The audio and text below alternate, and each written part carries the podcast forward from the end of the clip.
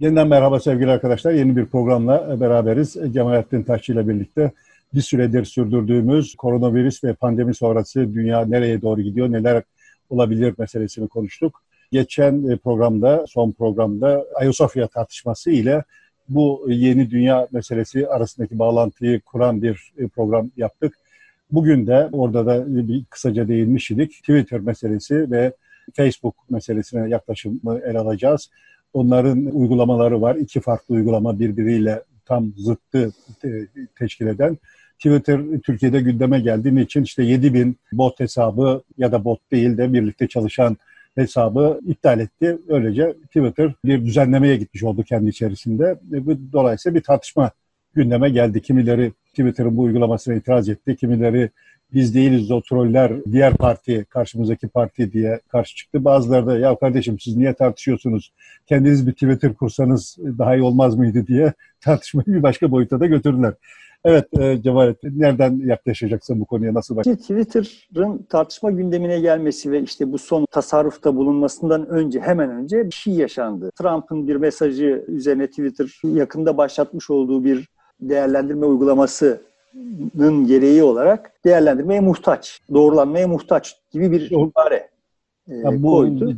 Şey, bilgiler doğrulanmaya muhtaçtır diye bir şey evet. koymuşlar. Ve buna karşılık aynı mesaja Facebook aynı tutumu göstermedi. Bunun üzerine işte belirli bir kesim kim olduklarını tahmin edebileceğimiz bizim gibi olanlar belki topun ağzına koydular. İşte Twitter'ın yanında durdular. Twitter bir adım sonra da benzer bir akılla hemen hemen aynı akılla Türkiye'de, Rusya'da ve Çin'de bir takım hesapları kapattı, askıya aldı. Bir açıdan bakıldığında son derece doğru bir şey olarak görünüyor. Sen bir mecrada bilgi paylaşımı, yani enformasyon anlamında bilginin paylaşıldığı bir mecrada açıktan bir örgütlenme ile yani kişisel olduğu, bireysel olduğu, örgütsüz olduğu varsayılan bir mecrada örgütlenerek kamuoyunu manipüle etmeye çalışıyorsun ve işte bu Twitter'ın en üst düzey yönetimi de diyor ki kardeşim benim bulunduğum benim mecramda sen bu işi yapamazsın demiş oluyor.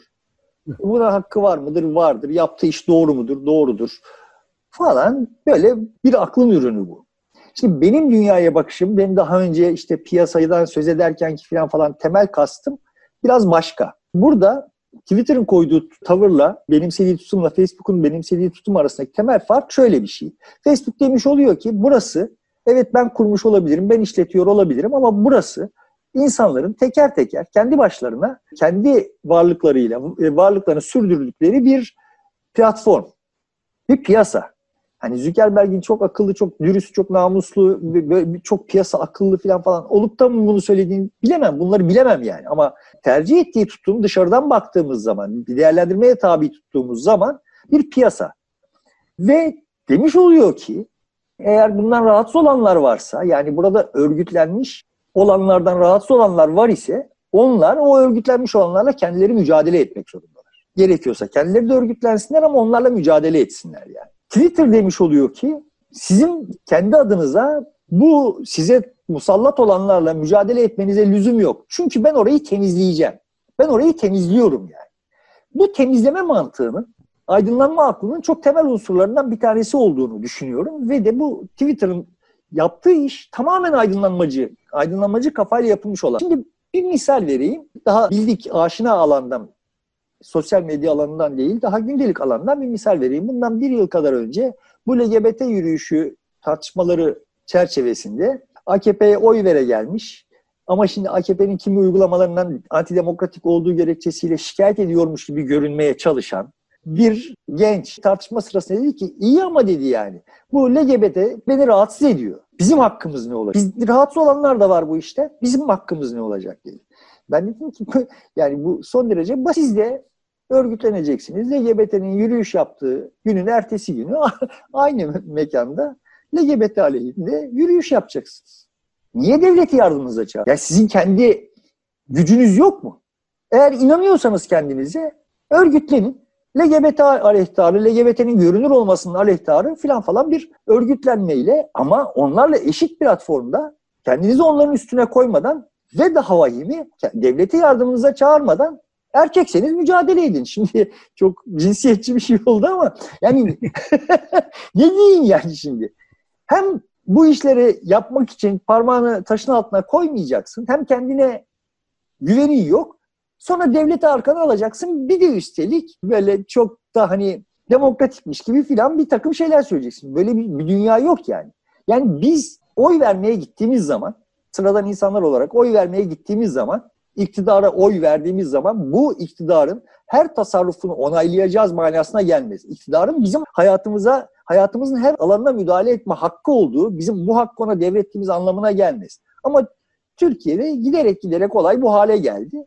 Bu iş bir ee, Katolik nikahı değil diyorsun. E, oy verme işi. Yani ben şimdi adamın atıyorum daha demokrat göründüğü için bana oy verebilirim. Ama onun LGBT hakkındaki fikirlerini de onaylıyorum veya LGBT'ye taarruz etmesini onaylıyorum, onaylayacağım manasına gelmez yani. Böyle bir hakkı yok. Teorik olarak böyle bir hak yok ortada. Bu hak kullanılıyor. Sonra bu alınmış olan oylara endeksleniyor filan. Böyle buradan çıkılacak. LGBT dediği, e, bu arada şunu da söyleyeyim yani benim açımdan da bir rahatsızlık verici tarafı var olayı. O ayrı bir şey yani. Ama LGBT dediğimiz şey bir vaka olarak zaman içinde kendi gücüyle öyle veya böyle bir mesafe kat etti. Görünürlük kazandı, tartışılabilirlik kazandı filan falan.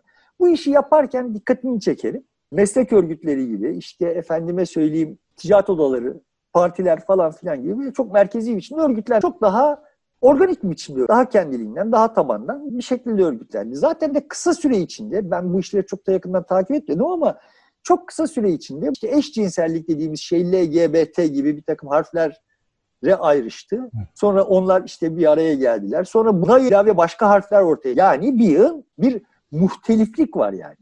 Ortada demek ki bir ihtilaf var. İhtilaflar olacak ki muhtelif olacak ve buradan bir şeyler çıkacak. Zaman içinde de bir takım değişim imkanları belirecek. Bu bir değişim imkanlarının hangisinin toplum için her bir takım fırsatlar barındırdığı üzerinden kafa yoracağız, hissiyat geliştireceğiz, bir yol alacağız. Durduğumuz yerde durmamanın tek yolu, benim bildiğim tek yolu bu.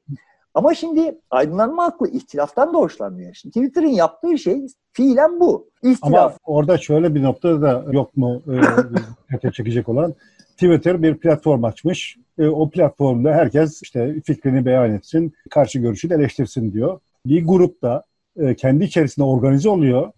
E, beğenmediği fikirlerin e, karşısında daha güçlü bir şekilde e, bir de destek de alıyor, başka tür destekler de alarak başka fikirlerin orada kendi başına hareket etmesine izin vermeyen bir tutum alıyor. Yani evet Twitter yukarıdan düzenleme yapabiliyor ama onun ötesinde kendi her ülkede belli gruplar diğer grupların söz hakkını yok eden, onların özgürce orada rahat hareket etmelerine izin vermeyen tutum da benimseyebiliyorlar. Onlara peki ne denecek? Kimse onlara bir şey söylemeyecek Kimse bir şey mi? demeyecek. Ben değil. Bana güvenecekler. Eğer bu, bu maçı kaybedeceksem ben kaybedeceğim. Bu maçı kaybediyor isem zaten kaybedeceğim.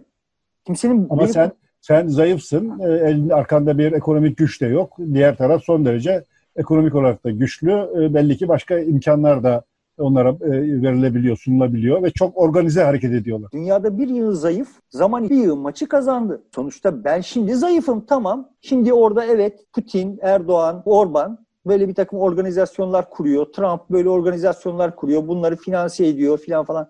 Beni bunların tasalludundan korumak Twitter'ın sahibinin işi değil. Ben kendimi koruyamıyor isem ben zayıfım tamam eşitsiz bu mücadele buna bir itirazım yok ama bu eşitsiz mücadeleleri yukarıdan eşitlemeye kalkmak zaten çok bütün Doğru. oyunun dokusunu bozan bir şey yani. Benim de işaret etmeye çalıştığım şey bu. Aramızda ihtilaflar olacak. Burada eşitsiz olacağız. Ama piyasa zaten böyle bir şey değil midir? Yani piyasada hepimiz eşit değiliz. Birileri Orada, ayrılacak, desteklenecek özel imkanlarla beslenecek ama buna rağmen mücadeleyi yine de sürdüreceğiz diyor. Sürdürülecek yani sonuçta iş öyle o şekilde yürüyecek. Dışarıdan bir başka müdahale buna gerekmez.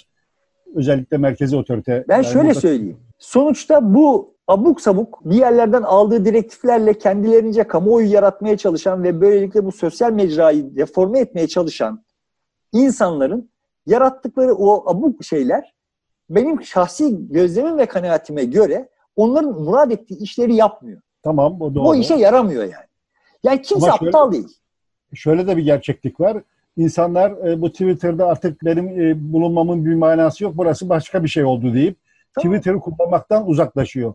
E, bu durumda Twitter'ı ortaya koyan o platform bir tedbir almak ihtiyacı duymayacak mı? Duysun. Ya, bu ben, zaman da o Twitter ölecek. Yani ölecek. bu tedbirler, ben de diyorum ki bu tedbirler Twitter'ın aleyhine. Nasıl ötekilerin yaptıkları kendi aleyhlerine ise bu tedbirler de Twitter'ın aleyhine. Böyle bir şey yapar, zarar veriyor onu diyorsun. Evet yani sonuçta buradan e, Aa, tamam bak Twitter temiz bir alan oldu şimdi ben o zaman buraya girebilirim falan falan diye kimse heveslenmeyecek yani. Bir de tabii işin bir başka boyutu da var. Bu seçim dönemlerinde e, işte Twitter'ın, Facebook'un, diğer e, mecralarla birlikte seçim kazandırmaya belli bir parti ya da seçim kazandırmaya yönelik kullanıldığı iddiaları da çokça konuşuldu, tartışıldı. Böyle bir şey de tabii doğal olarak e, arzu edilmez, istenmez. Seçim son tıpkı bir savaş gibi bir yığın platformda birden yürütülüyor olan bir yığın zeminde ayrı ayrı yürütülüyor olan bir şey. Burada şimdi eğer bir hava kuvvetleri ile senin üstüne geldiklerinde sen o hava kuvvetleriyle mücadele edecek bir şeye sahip değilsen zaten savaşı kaybedeceksin. Vay işte burada bunları kullandılar da bizi yendiler diyenler aslında bunlar kullanıldığı için yenilmiş değiller. Ama böyle demek işlerine geliyor. Evet. Sosyal mecrayı kullandılar da bu sayede işte Cambridge Analytica vesaire filan falan sayesinde bizi yendiler diyenler aslında bu sebeple yenilmediler. Enerjileri yoktu. Yani sonuçta Brexit'te evet Cambridge Analytica'nın bir rol oynadığı çok aşikar. Evet Trump'ın seçiminde sosyal medya üzerinde bir yığın şeyin e, yine Cambridge Analytica marifetiyle e, kontrol edildiği çok bariz bir şey. Sorun şu, karşı tarafın bunları boşa çıkaracak bir enerjisi yok. Bir söyleyecek hikayesi yoktu. Yani sonuçta e, Corbyn Brexit yanlılarının karşısına çıkıp da ben Brexit de karşıyım diyemedi. Herhangi bir şey diyemedi. Yanındayım diyemedi. Bir şey diyemedi. Bir şey diyemediği için kaybetti. Ve sonra da buradan işte Brexit filan falan sosyal medya sayesinde oldu falan deniyor.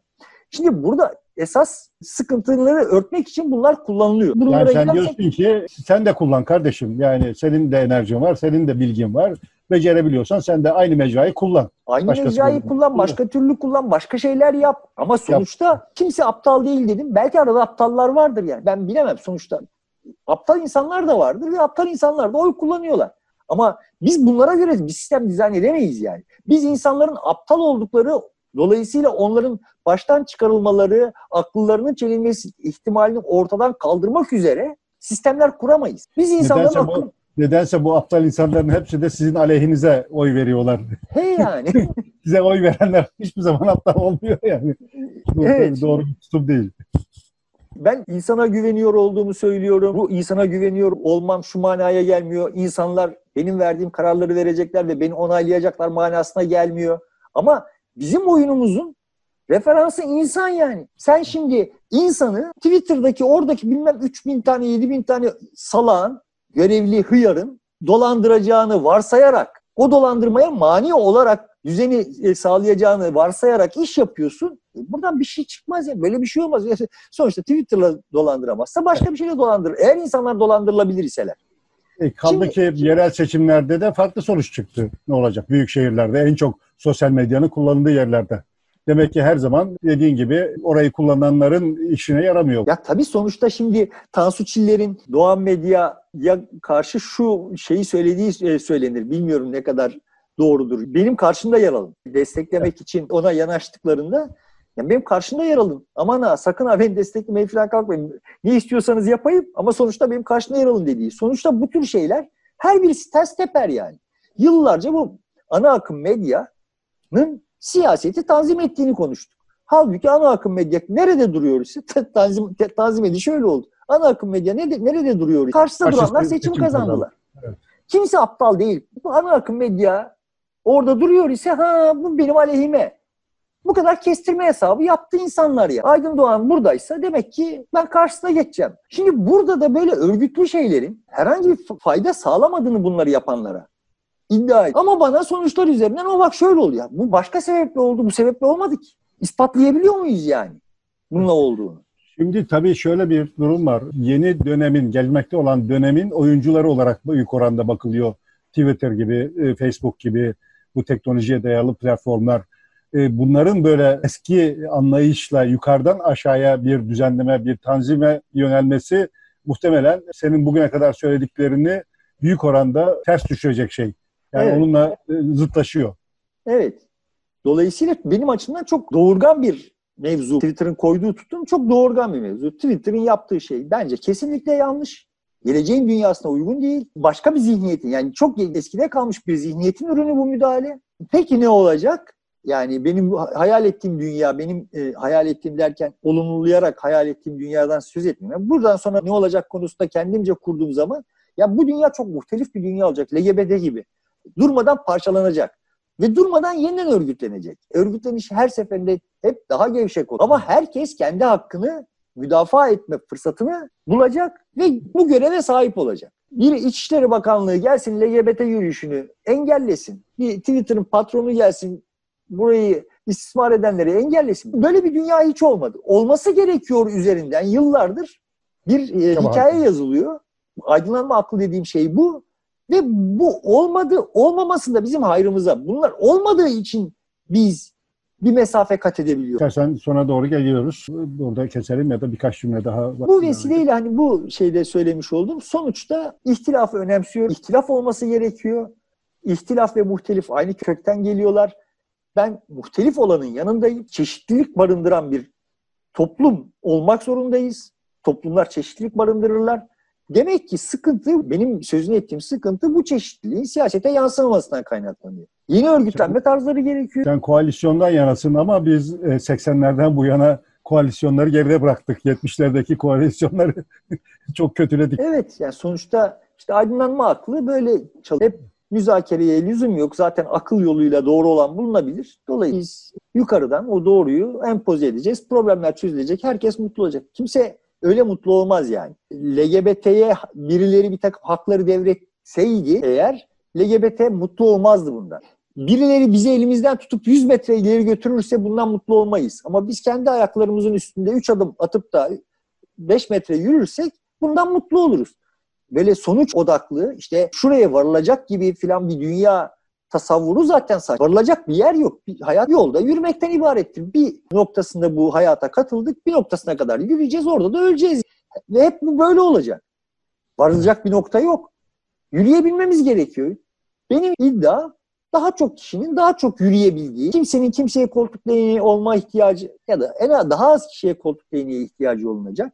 Devletlerin bu anlamda bir fonksiyonlu olmadığı bir dünyaya doğru gidiyoruz.